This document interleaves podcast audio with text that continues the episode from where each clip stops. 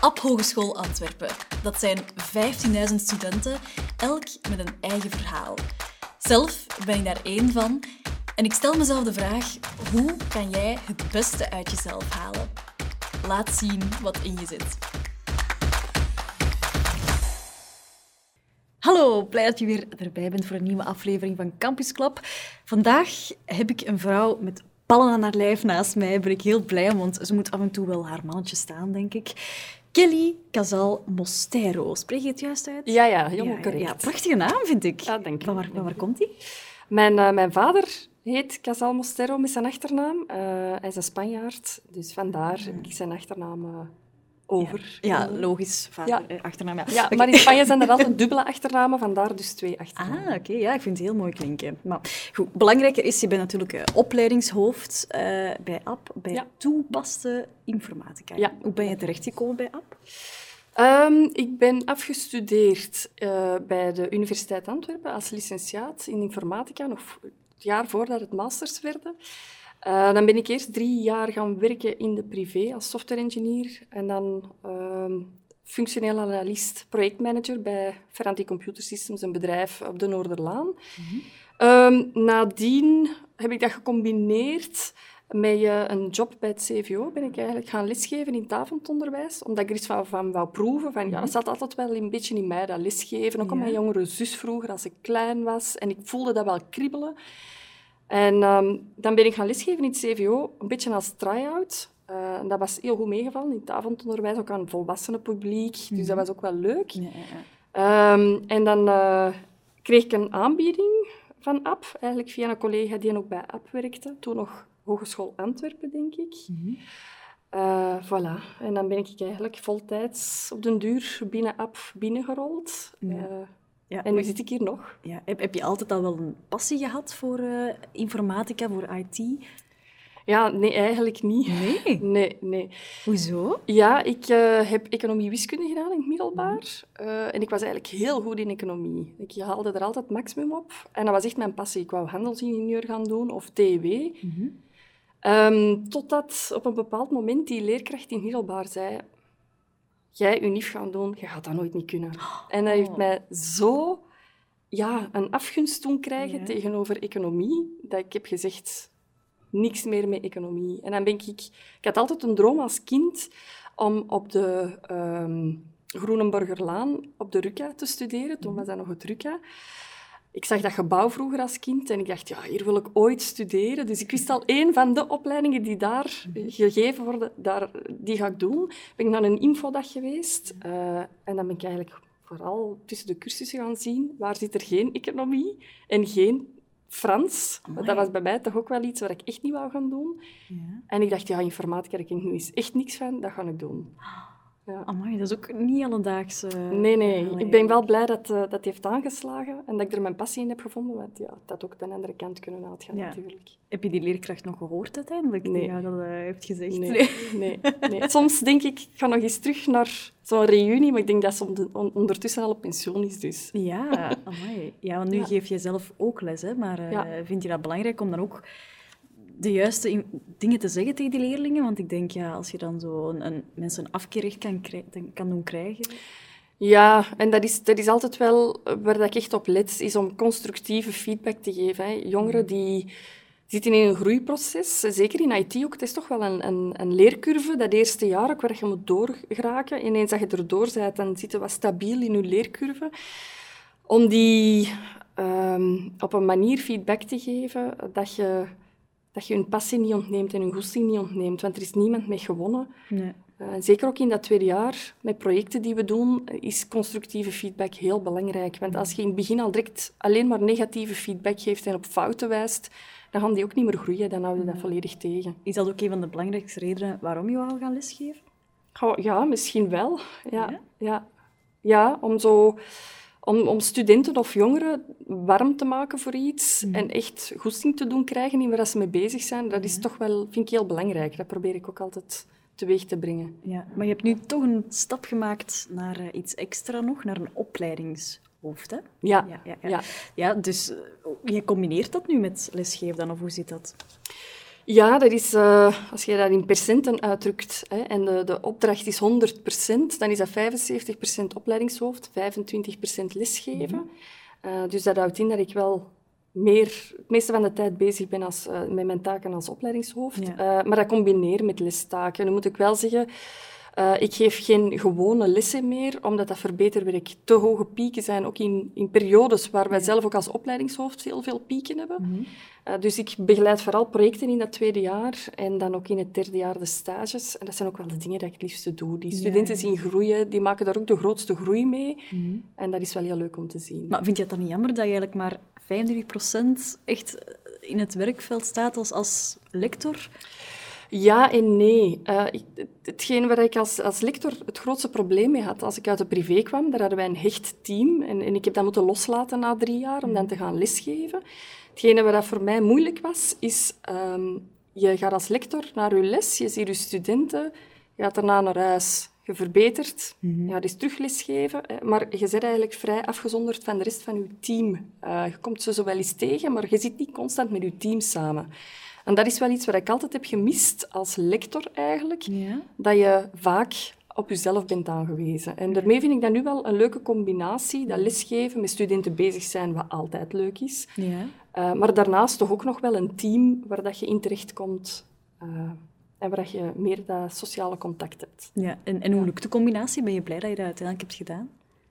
Ja, zeer blij. Uh, sowieso heel blij, omdat ik altijd wel heel betrokken ben geweest, ook als lector in de opleiding. Mm. Uh, ik heb ook altijd heel veel samengewerkt met toen, het toenmalige opleidingshoofd, om, om te kijken waar gaat de opleiding naartoe. Uh, dus ik ben heel, wel heel blij dat ik dat heb kunnen verder zetten, zeker nee. en vast. En die combinatie met lesgeven, ja, dat zorgt er wel voor dat je toch met je twee voeten op de grond blijft. Ja, hoezo? Ja. Ja, de, de perikelen waar studenten mee bezig zijn, de, de, soms de, de vraagstukken waar die mee bezig zijn, soms praktische zaken die dat je ondervindt als lector, mm -hmm. die dat je als opleidingshoofd niet kunt inbeelden, die vanzelfsprekend lijken, ja. waar je dan tegenaan loopt als lector van, oh ja, amai, ja, dat ga ik toch echt anders moeten doen, want dit kan niet. Ja. En dat zorgt er ook wel voor dat je zelf wel binnen het lectorenteam, ja, dat die afstemming ook veel vlotter gaat, omdat je is er ook een deel nog van het lectorenteam. Hè? Mm -hmm. dat, dat, is toch ook echt een groot ja, ja, ja, ja, Zijn er al speciale dingen die je, die je merkt van oei, dat ik totaal niet door dat, dat, dat de leerlingen daar zo mee struggelden, zo mee bezig waren? Dat zijn soms heel praktische zaken. Mm -hmm. hè? Lokaalverdelingen bij, bij examens. Ja. Uh, ja, mededelingen die we op Digitab zetten of op het intranet zetten, mm -hmm. dat die niet altijd duidelijk zijn of dat die niet doorlinken. Dat ik dat dan zelf merk van, ah ja, ik moet hier op vijf linkjes klikken in plaats van dat dat op één link komt. Mm -hmm. Dat zijn van die praktische zaken. Heel kleine dingen, maar die soms wel het leven veel makkelijker maken als je ja, ze kunt ja, oplossen. Ja, tuurlijk. En het is leuk dat jij hen daar uh, nu extra bij, bij kan helpen. Ja, dat ik doe mijn best. Ja, ja, ja. Wat zijn zo de echt leuke dingen aan jouw job? Waar geniet je echt van?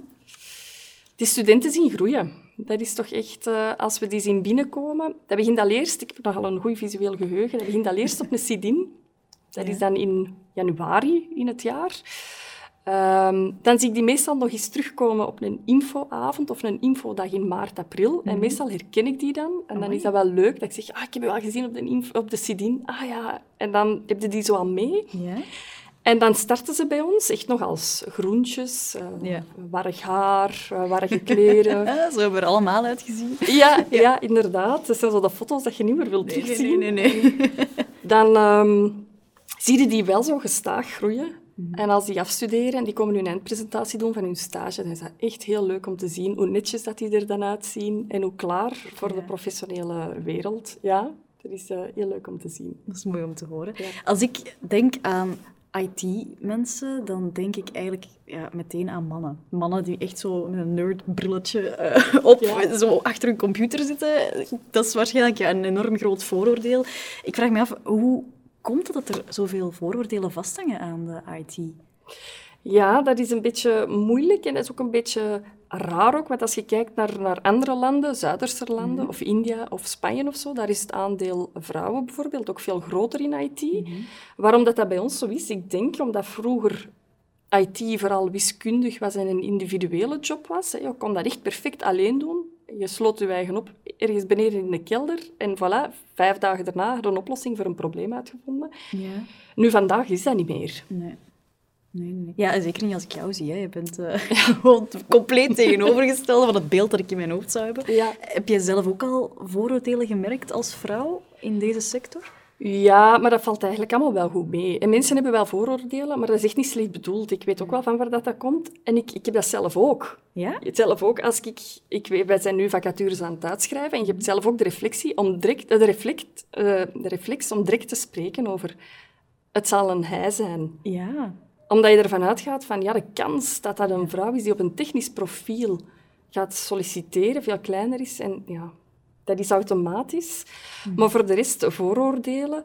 Uh, ik, kijk, ik, ik, heb soms wel dat mensen naar mij kijken van IT en dan snappen ze niet goed. Oh, maar wat dan in IT? Iets technisch? ja, toch wel iets technisch. En dan, ah, oké. En dan zijn ze wel direct mee. Ja. Dan merk ik soms ook wel ja, bij, bij professionele contacten bijvoorbeeld ook, dat Mhm. dat even aftasten is, dat de mensen aftasten hoe ver in een IT zit ze, en dan zijn ze vertrokken en dan is, dat, Dan dan is het ijs gebroken. Ja, ja, ja, ja. Hoe, hoe kunnen we die vooroordelen, vooroordelen binnen de IT tegengaan, denk je? Ik denk dat we vroeg moeten beginnen, dat we in de lagere school moeten beginnen bij de kindjes, om daar echt eh, de meisjes ook warm te maken voor IT en niet vies te maken van IT. Van, ja, jij kunt dat ook en dat is ook plezant. En je gaat ook veel, met veel mensen in contact komen en je gaat echt niet in die donkere kelder zitten zoals vroeger het geval was. Eh, Ja, do- doen ze dat nu te weinig op de scholen? De meisjes warm maken voor eh, computergerelateerde... Ja, ik vind dat wel. Als ik nu zelf naar mijn kinderen kijk, zitten alle twee eh, in de lagere school. Mijn oudste gaat nu naar het middelbaar. Dan merk ik dat wel, dat er heel weinig in het, in het basisonderwijs rond IT gedaan wordt. En jongens hebben sowieso al meer die interesse in dat gamen en zijn daar al sowieso, hebben al iets meer affiniteit eh, met, de, met het ja, computer of console of hè, iets IT-gerelateerd. En je merkt wel bij meisjes dat dat eh, niet, niet wordt warm gemaakt in de school. Ehm, en er zijn wel heel wat initiatieven om kinderen warm te maken voor IT. De coderdojo's en andere, eh, ja, dat zijn vrijwillige mensen die dat vrijwillig doen. Ja. Programmeeropdrachtjes met kindjes doen tussen de zes en de negen, of tussen de zes en de tien eh, Ja, ja. jaar. Ehm, en daar zijn nu recent ook wel wat initiatieven speciaal voor meisjes gekomen, zodanig dat de opdrachtjes ook de meisjes aanspreken. Ja, het zou mooi zijn als er meer vrouwen Ja. in IT zijn. Zijn er ook voordelen als vrouw in, eh, in deze sector? Ja, sowieso naar praktische afwegingen. Eh, IT is een hele flexibele sector, maar waar dat je zelf ook heel veel kan bepalen. Ehm, als je bijvoorbeeld Ja, ik gaat- denk dat er ook wel een groot verschil is met vroeger en nu. Hè? Met, Ja. In hoe dat, dat eh, geëvolueerd is. Ja, ja, sowieso. Als het gaat over jobinhoud is er een groot verschil. Er wordt veel meer samengewerkt. Je gaat veel meer in contact moeten komen met klanten. Eh, dat alleen werken, ja, dat heb ik er juist gezegd, dat is echt niet meer van deze tijd. Dat kun je ook niet- echt niet meer veroorloven. Ehm, dus dat enerzijds. En anderzijds de opportuniteiten ook als, als vrouw om flexibel je verlof in te plannen en van thuis te kunnen werken. En ja, als freelancer zelf je dagen te- bepalen. Dat, eh, Ja. ja, dus eigenlijk is het gewoon goed dat die, die vooroordelen er allemaal eh, gaan uitgaan en dat mensen een heel Ooit. ander beeld gaan hebben hè, van, de, van de IT. Ja. Allee, als ik jou nu hoor praten, heb ik zelf ook al een heel ander beeld ervan. Want ik zou ook denken, het is een knelpuntberoep, hè, Ja. IT. Het is nogthans een heel goed betaalde job. Hoe Ja. komt het dat er dan zo weinig mensen dat gaan studeren of dat gaan doen? Ik weet het niet goed. Ik denk dat de meesten wat schrik hebben van een eenzame job achter de computer. Terwijl eigenlijk helemaal niet het geval is. Nee, want je kunt er alle kanten mee op. Je kunt echt in een hardware duiken en in hardware gaan ontwerpen en, en Internet of Things en sensoren en slimme apparaten maken, wat ook heel leuk is, want je gaat niet altijd achter je boeken zitten of achter een computer zitten. Je moet heel creatief kunnen denken en ook moeten gaan kijken hoe kan ik dat inpassen in een bepaalde setting of een context. En anderzijds ook zijn er genoeg jobs waar je helemaal niet technisch met IT bezig bent, maar waar je heel veel met klanten in contact komt en gaat analyseren, oké, wat wil die klant nu juist, hoe moet die oplossing eruit zien, en dan een technisch team gaat aansturen. Ja. Dus zijn heel veel... Het spectrum van IT is zo breed, Ja, ja, dat er eigenlijk voor ieders wat wils is. Ja, velen leren het ook eigenlijk op zichzelf, hè, zonder een opleiding. Ja, dat ga je natuurlijk als opleidingshoofd niet aanmoedigen, denk ik, maar het kan wel om het zelf te doen. Ja, op korte termijn wel. Hè. Eh, het gevaar is alleen, als je zoiets studeert vanuit je eigen, dan zit je een beetje vast in een bepaalde richting. Hè. Ehm, het voordeel van een bacheloropleiding is dat dat een brede opleiding is uh, en dat je eigenlijk altijd een basis hebt om op terug te vallen. Je leert ehm, structuren, technieken, achterliggend, die je misschien niet direct gaan nodig hebben voor je eerste job, maar waar je altijd op kunt terugvallen, moest je ooit eens in een andere setting terechtkomen. En het gevaar is als je zelf iets van je eigen leert en je verandert van job of firma sluit of een reorganisatie of hè, er mhm. gebeurt iets, dat je niet zomaar even snel kunt schakelen naar iets anders, omdat je niet kunt terugvallen op die basis. Ja, dus het is wel beter om het in een richting te volgen. Uiteraard. Natuurlijk. Hè. Ja. is het een klein beetje ook een, een ondergewaardeerde studierichting ten opzichte van, van vroeger? Of? Dat denk ik niet. Nee, ik, ik merk wel dat, de, dat mensen nu, als je zegt van ik doe iets in IT, dat de reactie meestal is van oh, oh tof, leuk. Ja? Ja, ja, denk, ja, dat is wel positief geëvolueerd. Je wordt toch minder, vind ik, aanzien als de nerd met een, met een geplakte bril. ja, ja. Ja. Ja, ja, dat zou mooi zijn als, eh, als, dat, ja, als dat verandert. Hè. Hoe, hoe wil jij daar verandering in brengen? Um, ik denk sowieso als opleiding om altijd vernieuwend bezig te zijn, actueel, uh, met heel leuke projecten ook, waar dat we mee naar buiten kunnen komen, dat we kunnen ook studenten kunnen aantrekken en kunnen enthousiasmeren. Uh, en anderzijds proberen zoveel mogelijk nog events te doen waarbij dat we jongeren kunnen betrekken. Uh, we hebben nu twee jaar lang uh, de Vlaamse programmeerwedstrijd georganiseerd. Ja, dat vind ik echt superleuk om te doen. Ja. Dan staat de campus, ja, nu met corona niet, maar daarvoor wel, zat dat vol met, met jongeren. Mm uh, die hun, hun, keuze nog moeten maken. En dat is wel heel leuk om te zien hoe gepassioneerd dat die zijn door IT en hoe dat je als hogeschool daar ook in kunt faciliteren. Dat is toch het maatschappelijke stuk en die rol dat je daarin speelt. Ja, ja, maar ik vind het ook leuk om jou zo gepassioneerd uh, over de richting te horen vertellen. Want ik heb ook horen zeggen dat er uh, blijkbaar heel veel complimentjes over jou de ronde doen, dat je studenten zo goed begeleidt en ondersteunt en zo. Um, hoe, hoe doe je dat dan om, om die studenten zo goed te begeleiden? Ja, dat is wel heel leuk om te horen. Ja. Uh, ja, ik denk door vooral mezelf te zijn en ook heel eerlijk te zijn naar studenten toe. Mm -hmm. dus echt uh, van in het begin heel duidelijk ja, te maken van, kijk, dat is het speelveld. We doen heel veel toffe dingen. We gaan uh, heel veel real-life cases gebruiken en mhm. voorbeelden gebruiken vanuit de, de leefsfeer uh, van, van de student zelf.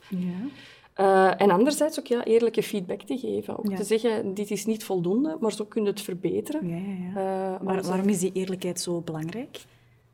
Ik denk dat ze daar ook mee moeten kunnen omgaan, later ook, met die eerlijkheid. Ik verwacht dat eigenlijk van de studenten ook, dat ze heel eerlijk en transparant zijn. Ja? En ik denk dat dat de beste manier is om, om want hoe dat je het ook noemt, of hoe dat je het ook draait of keert, het contact met die studenten, dat is ook een professioneel contact. Hè? Dus mhm. ook in dat opzicht vind ik dat wel heel belangrijk om daar eerlijk in te zijn. Ja, ja, ja. ja.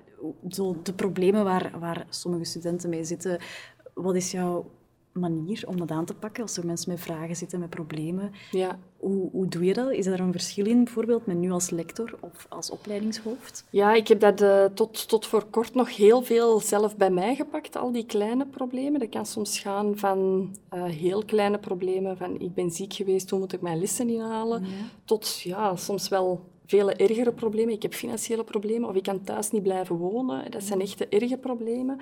Ik heb altijd geprobeerd zoveel mogelijk nog zelf te kunnen doen. Natuurlijk, nu dat die opleiding groter en groter wordt, dan ga ik dat allemaal zelf niet kunnen doen. Hè. Uh, gelukkig hebben we wel iemand bij ons die dat, echt fantastisch goed doet.